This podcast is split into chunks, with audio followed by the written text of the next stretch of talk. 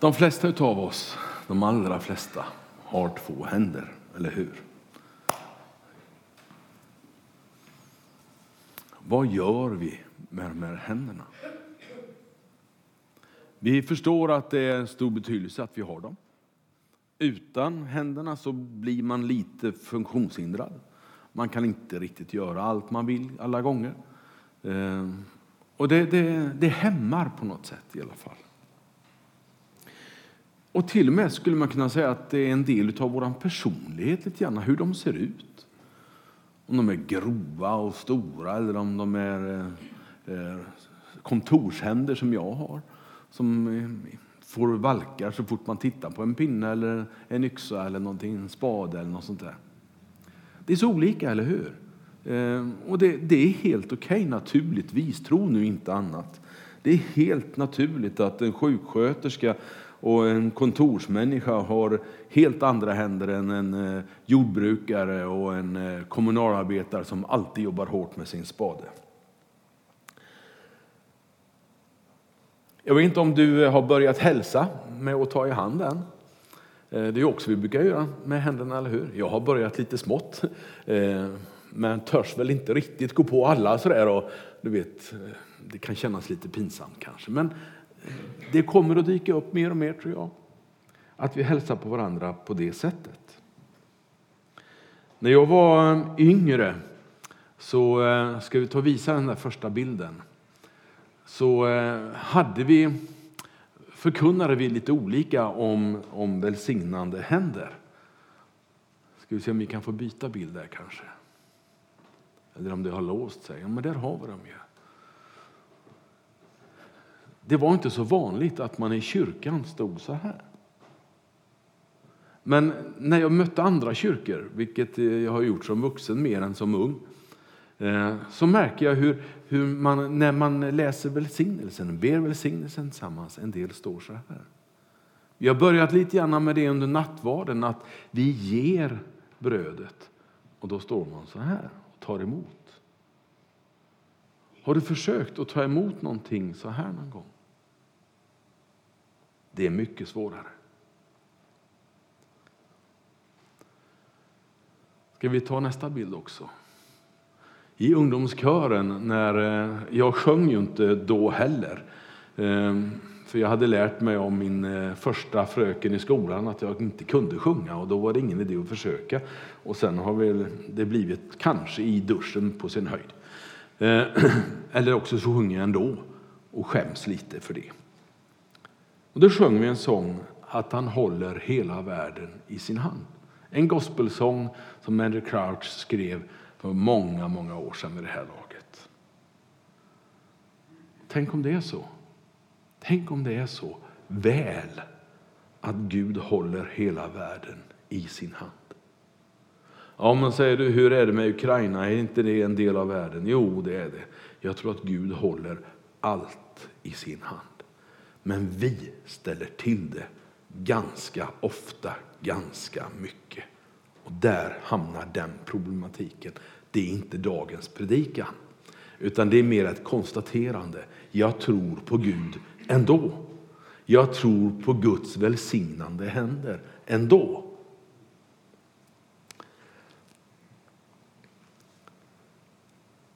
När Jesus Nej, jag ska inte säga det utan jag ska läsa först. Jag ska läsa texten först. Annars så blir det fel. Lukas 24. Och det kommer på eh, skärmarna också att dyka upp texten Lukas 24, verserna 36 till och med 53. Det är några versar och jag har haft covid förra veckan och halsen har inte riktigt sådär eh, kommit i formen om man säger så. Men eh, jag tänkte den håller i alla fall en predikan, ungefär så. Från och med vers 36. Medan lärjungarna talade om det här så stod Jesus själv mitt ibland dem och sa till dem, frid vare med er. Uppskakade och rädda så trodde de att det var en ande de såg. Men han sa till dem, varför är ni så oroliga? Varför kommer det upp tvivel i era hjärtan? Se här på mina händer och mina fötter det är verkligen jag. Rör vid mig och se. En ande har ju inte kött och ben, som ni ser att jag har. När han sagt detta så visar han dem sina händer och fötter. Och när de i sin glädje och förundran fortfarande inte kunde tro så frågar han, har ni något ätbart här? Vi kanske hade frågat om någon hade någon fika och sådär, men ätbart var det som gällde. Då räcker de honom en bit fisk, en bit stekt fisk. Han tog den och åt inför deras ögon och så sa han till dem, detta är vad jag sa till er medan jag ännu var hos er. Allt måste uppfyllas som är skrivet om mig i Mose lag, profeterna och salmerna. Sen öppnade han deras sinnen så att de förstod skrifterna. Och han sa till dem, det står skrivet att Messias ska lida, på tredje dagen uppstå från de döda. Och att omvändelse och syndernas förlåtelse ska förkunnas i hans namn för alla folk med början i Jerusalem. Ni är vittnen om detta. Och jag ska sända er över, jag ska sända över er vad min far har lovat. Ni ska stanna här i stan tills ni har blivit utrustade med kraft från höjden. Sedan följde han dem ut till Betania och han lyfte sina händer och välsignade dem. Och medan han välsignade dem så lämnar han dem och lyftes upp till himlen. De tillbad honom och vände tillbaka till Jerusalem i stor glädje. Och de var ständigt i templet och prisade Gud. Amen. De här texterna är ju så fantastiska. Det är ju så mycket som händer, det är ju så mycket som, som berör oss verkligen och som vi fortfarande drygt 2000 år senare faktiskt tror på, lever på. Som du kände igen det här så var ju det här en text som hämtades strax efter uppståndelsen. Några dagar, några veckor efter uppståndelsen. Men där på korset så har jag ofta tänkt på hur det ser ut, korset, och hur det såg ut när Jesus hängde där. Det var den ena handen däråt och den andra handen däråt. Exakt hur spikarna funkade och var de satt exakt, det är jag inte gubbe att avgöra, men jag förstår att de satt i händerna någonstans i alla fall. Och den ena handen den sträcktes ut åt det hållet. Den andra handen sträcktes ut åt det hållet. Det var som om himmelens Gud ville omfatta oss alla. Som ville omfatta dig, ville omfatta mig, ville omfatta Ukraina, ville omfatta ryssen. Allihop. Ingen var utanför hans offrande, hans frälsande händer. Tro inte att det du har gjort i livet tillbaka kan göra att du hamnar utanför hans händer, utanför hans välsignelse. Så länge du vill så finns du där. Men du har också möjlighet, det är inga händer som liksom håller dig fast. En kram, ja, men inte håller dig fast. Du kan om du vill lämna, helt okej. Okay.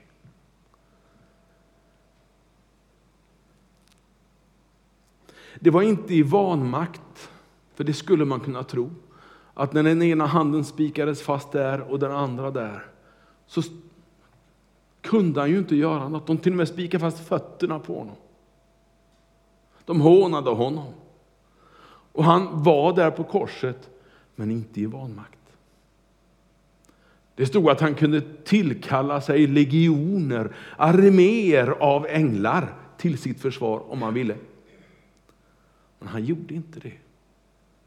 För han älskade dig. Han älskar mig så högt så han lät dem spika fast honom på korset.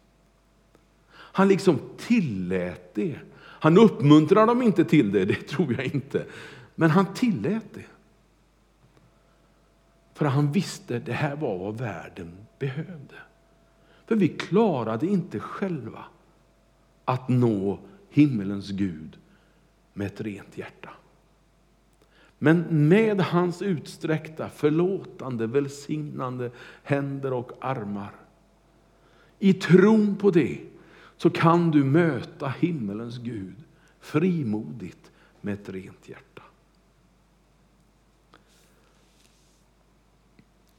Efter uppståndelsen så läste jag hur lärjungarna inte riktigt fattade nu vad som hade hänt. Och när han kommer och står där mitt ibland dem så förstår jag att det fanns sår kvar i hans kropp efter korsfästelsen. Och han till och med säger, kom här och titta, det är jag. Det är ingen vålnad, det är ingen ande som är uppstått. Det är inget mystiskt. Det är jag. Ni har ju gått med mig i tre år, ungefär så uttrycker han det. Kom igen, det är jag. Ah. Ja, men, en ande kan har, har, ni, har ni något att äta? Och så får han någonting att äta. Och de fylls mer och mer av, ja men det är han, det är Jesus. Det verkar som att Jesu händer blev ett bevis för dem på hans både död och uppståndelse. Det var som att Jesus, när han håller ut sina händer, också räcker ut tro och trons möjligheter. Och vet du, det känns som om han gör det fortfarande.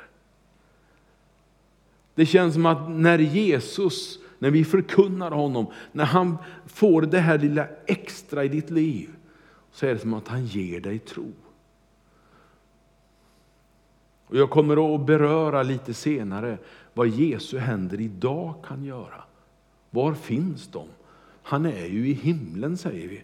Hur kan, hur kan han verka på jorden? Jag kommer till det. Men jag har lite annat jag vill eh, fundera på tillsammans med dig. Det stod så gott i vers 50 i slutet av min text om eh, de välsignande händerna. Vi ska se om vi kan få upp den versen också. Det står att han för ut dem till Betania och så lyfter han sina händer och välsignar dem. Det är det sista han gör. Det är det sista han gör när han är fysiskt ibland sina lärjungar. Det är inte att hålla ett förmaningstal, det är inte att hålla någon slags uppmuntranstal, utan han bara sträcker ut sina händer och så välsignar han sina lärjungar. Och i veckan så är det som om jag har sett inför min inre syn hur Jesus välsignar dig med sina utsträckta händer. Fortfarande. Så är det som om han står där på Oljeberget i tro på något sätt och välsignar sin församling, sina lärjungar, sina efterföljare. Och jag tror att han är så generös, så den som vill ta emot honom på slagfältet kan göra det. Jag tror inte att han sätter några gränser på det sättet. Det är din vilja, din tro som är gränsen. Sätter du den till honom, då avvisar han ingen.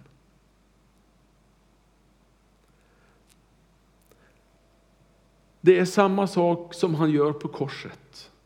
Så gör han ju också med barnen så småningom, kan vi läsa i vår bibel. Och jag sa att du inte kan, och det är så svårt, att välsigna någon med en knuten näve. Hur är det möjligt att du vet, och så säga Gud välsigna dig. Det stämmer, det, det, det skär sig ju lite, åtminstone i mitt hjärta, i, i mitt huvud. Jag, jag fick några förmaningar av en gammal missionär när jag var pastor i Tranås. Det här är ju, ja, det är några år sedan. Eh, hon sa, för jag eh, var så, ska vi säga, eh, nybörjare och det var så mycket som var viktigt så att jag knöt gärna händerna när jag predikade så här. Omedvetet. Och Ninni hon, eh, hon påpekade det här för mig att så här, det funkar inte som det kan du inte göra för det, det skär sig. Och det där har följt mig sedan dess. För att välsigna och ta emot välsignelse så måste jag ha öppna händer. Jag måste vara ödmjuk. Jag måste, det måste finnas någonting där som tar emot. Som tar emot välsignelsen, som kan ge välsignelsen. Jag går inte emot mina barn med knutna händer. Jag skulle aldrig möta mina barnbarn med knutna händer i ilska. Utan jag vill ju möta dem med en kram, jag vill ju möta dem så här. Många av er känner igen det där. Det står i Markus 10, jag tror att vi har en, en eh, bild på den texten också. Markus 10 och vers 16. Det här är när Jesus välsignar barnen, står det som överskrift, och jag älskar den texten. Så står det hur han tar fram dem och hur lärjungarna vill, vill som ni vet, avvisa dem. Och Jesus blir nog lite upprörd. Nej, det är, låt dem komma till mig, säger han. Och så tar han upp dem i famnen. Och så lägger han sina händer på dem och välsignar dem. Och när Jesus gör det, då är det något speciellt känns det som. Visst kan eh, jag välsigna mina barn och säga, ja, välsignade ska ni vara. Sådär. Men när jag säger Gud välsigna er, då är det någonting annat. När jag mötte det som en tonåring utav min kusin som då jobbade som pastor i Karlstad och Umeå och några ställen. Sådär. Han sa alltid, Gud välsigna dig Bengt, sa han. Och jag tänkte, ja, ja, det är för att du är pastor. det, ja, det är roligt att höra, men, men det är för att du är pastor. Eh, så jag eh, hade lite svårt med det där ett tag. Men sen bestämde jag mig för, nej, det är inte för att jag är pastor. Jag önskar dig så mycket gott jag bara kan. Det bästa jag vet och det är Guds välsignelse. Jag tar mig frimodigheten och önskar Guds välsignelse till mina barn. Även om de inte är i kyrkan jätteofta så jag välsignar dem i alla fall. Jag välsignar mina barnbarn. Jag välsignar dig gärna med Guds välsignelse. För jag tycker om dig. Jag vill ditt bästa. Och jag kan inte tänka mig något bättre än Guds välsignelse över en människa.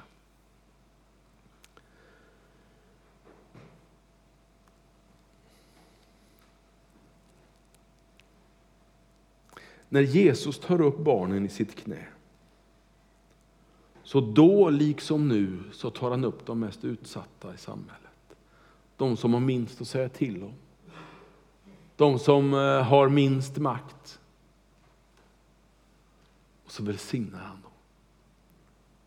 Och han gör så än idag, vill jag påstå. Ingen annan, vad jag förstår, kom Jesus så nära så de satt i knät på honom. Och där skulle jag trivas. Jag har några bilder på när jag får mina barnbarn i knät. Och jag vet att de trivs där, men jag tror att jag trivs ännu mer när jag har dem där. När de sitter där och kanske läser en bok tillsammans. Eller ja, jag får de där fem sekunderna innan det spritter i benen och så drar de iväg igen. Men jag njuter. Och jag tror att det betyder någonting. Och Jag tror att den där kärleken som finns där och som fanns när Jesus tog upp dem i sitt knä, det var en kärleken och omtankens språk som är förstådd av alla barn i alla tider och som också du och jag förstår när vi får komma Jesus nära och uppleva hans omsorg och omtanke om oss. Han tog emot dem utan några frågor, utan några begär om förklaringar hit och dit. Det var inte tomten de satt i knät hos som frågade om de har varit snälla under året, utan det var Jesus som bara välsignade dem. Och Det tror jag är vårt uppdrag. Det är därför vi har barnriket. Det är därför vi har barnverksamhet i söndagsskola och afterskola och vad det nu heter, ungdomsverksamhet. Vi vill varandra så väl vi bara kan. Det var säkert odramatiskt. Det var inga dunder och brak runt omkring dem. Men så betydelsefullt. Tro aldrig, när du välsignar någon, ni ber tillsammans. Du kanske får lägga din hand på någon och välsigna. Tro aldrig att det är du som gör någonting och som det förväntas att du ska prestera. Utan det du gör, det är en handling som Gud välsignar. Det är Gud som står för det som händer. Det du kan bidra med, det är ett leende. Det du kan bidra med, det är själva gesten. Men det är fortfarande himmelens Gud som utför undret, som utför den välsignelse som kommer människor till del. I Johannes så säger Jesus att ingen, i Johannes evangeliet säger han att ingen kan rycka oss ur hans händer. Inget, ingen. Och hade jag haft den där sångrösten som jag aldrig har haft, då hade jag kanske sjungit för dig att han håller hela världen i sin hand. Men nu kanske inte någon kan den längre, för det är så oerhört länge sedan den var populär i kyrkorna. Men en vacker sång är det. Och jag förväntar mig inte att du ska sjunga den nu, så bli inte orolig Anneli. Men jag skulle vilja avsluta min predikan idag med att du kan få vara med och vara hans verktyg, hans händer idag. För som jag sa, så lämnade Jesus lärjungarna. Han for upp till himlen. Hur det gick till, ja, det, det, det, kan vi ju bara, det går ju inte att förklara helt enkelt. Det är ingen som har gjort det efteråt, vad jag vet i alla fall, eh, på det sättet. Det står i Apostlagärningarna sen som följer berättelsen något till hur han sitter på Faderns högra sida. står det. Och han reser på sig när den gode Stefanos får ge sitt liv för sin tro. Då reser han på sig och välkomnar Stefanos hem till himlen. En del säger att det är metaforer, att det är berättelser. Men varför inte sant? Varför inte tro att det faktiskt händer någonting sånt? Jag tror att om det ska bli någonting gjort på jorden idag så är det genom dig och mig. Så får vi vara hans händer på jorden. Om det är någon som ska få en extra nalle när man gråter så inte kommer en ängel att kliva ner och skyffla iväg den här nallen. Eller ge den här täcket, eller ge de här kläderna, ge den här maten. Utan det är hans händer på jorden. Och det är du och jag. Och när vi är riktigt många, och vi är ju jättemånga. Om vi tänker på hur många kristna det finns på vår jord så är det ju hundratals miljoner. Kanske en hel miljard till och med. Så det är klart att vi kan göra saker. Och vi gör massor av saker. Du är inte ensam i bänken eller hemma om att tänka vad ska jag göra. Utan det vi gör varje dag, varje vecka tillsammans, det är att vara Jesu händer här på jorden. Och ibland så får vi nåd och kan göra någonting extra. Vi kan skicka iväg en hel dagskassa, trots att det bara var tio som jobbade igår. Så känns det som att ni var där allihop. Och fick vara med och göra en dagskassa på 26 000 var det väl, kan gå till eh, de hjälpbehövande. Och jag tror att det är så här vi ska tänka. Du ska inte tänka att jag kan inget, jag förmår inget. Du ska inte tänka att ja, men jag orkar inget, jag orkar ju knappt ta mig hit till kyrkan. Du är så välkommen hit. Och om du kommer hit med dina knäppta händer så är det kraft nog i den bönen för att förändra en situation. Därför att han som hör bönen han som hör dig bedja, han som ser ditt hjärta och dina knäppta händer, han välsignar. Han förändrar situationen. Det står i Apostlagärningarna som jag berättade förut, hur, hur de första lärjungarna, de första predikanterna, pastorerna och tjänarna i den första församlingen la sina händer och välsignade människor. Nu har vi inte gjort det på två år nästan, känns det som. Därför att vi har haft en pandemi och då får man ju rätta sig efter det. Men nu när det börjar lätta så tycker jag att det är helt okej okay att fråga, får jag lägga min hand på din axel och be för dig? Det innebär inte att du ska krama någon i onödan, men bara det här respektfulla. Men fråga alltid först. Ta det inte för givet att det är okej okay, bara för att du känner en person. Fråga alltid. Du får ett leende tillbaka, ja visst får du det. Eller också den här tveksamheten och då vet du.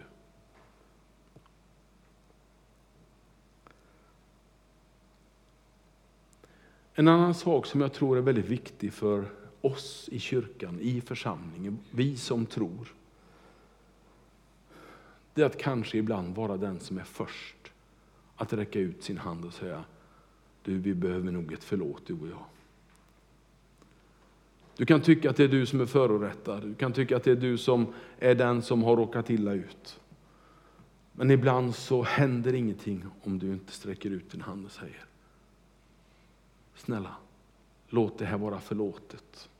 Låt det vara passerat. Vi måste kunna gå vidare. Det är kanske det tuffaste man kan göra när man är oskyldig, ändå ödmjuka sig och säga ett förlåt. Men jag tror att det hänger samman med kristen tro, att göra det när det verkligen behövs. Att ge en hjälpande hand är ofta givet och självklart för oss, eller hur? Att eh, vara med och göra så gott man kan. Om det är att renovera kyrkan eller måla, eh, måla en vägg eller om det är att eh, koka kaffe till kyrkkaffet. Det spelar ingen roll vad det är, tycker jag egentligen. För om vi alla gör utefter det vi kan så kommer det att bli ganska bra. Då, då kommer vi att fylla de behov som finns. Därför så är jag så tacksam till dig som eh, varje år när vi har administrationsmöte finns med där med ditt namn och säger att ja, men jag kan vara med och, och städa kyrkan, jag kan vara med och sjunga. Jag, va, det är ju så många namn och så många uppgifter så du får se nästa eh, lördag här som eh, vi ska göra de här valen, vad mycket namn det är. Så tack för det du gör. Tack för det du har gjort under året som har gått. Nu ser vi fram emot ett nytt år där vi får vara Jesu händer på jorden. Där du får välsigna människor med det du är och det du gör. Och med vår sång och musik, med vårt deltagande i nattvarden. För den är också väldigt praktisk. Men det finns en djup, djup välsignelse i att delta i nattvarden. Så Gud välsignar dig att vara med. Nu ska vi sjunga mer tillsammans. Och... Eh,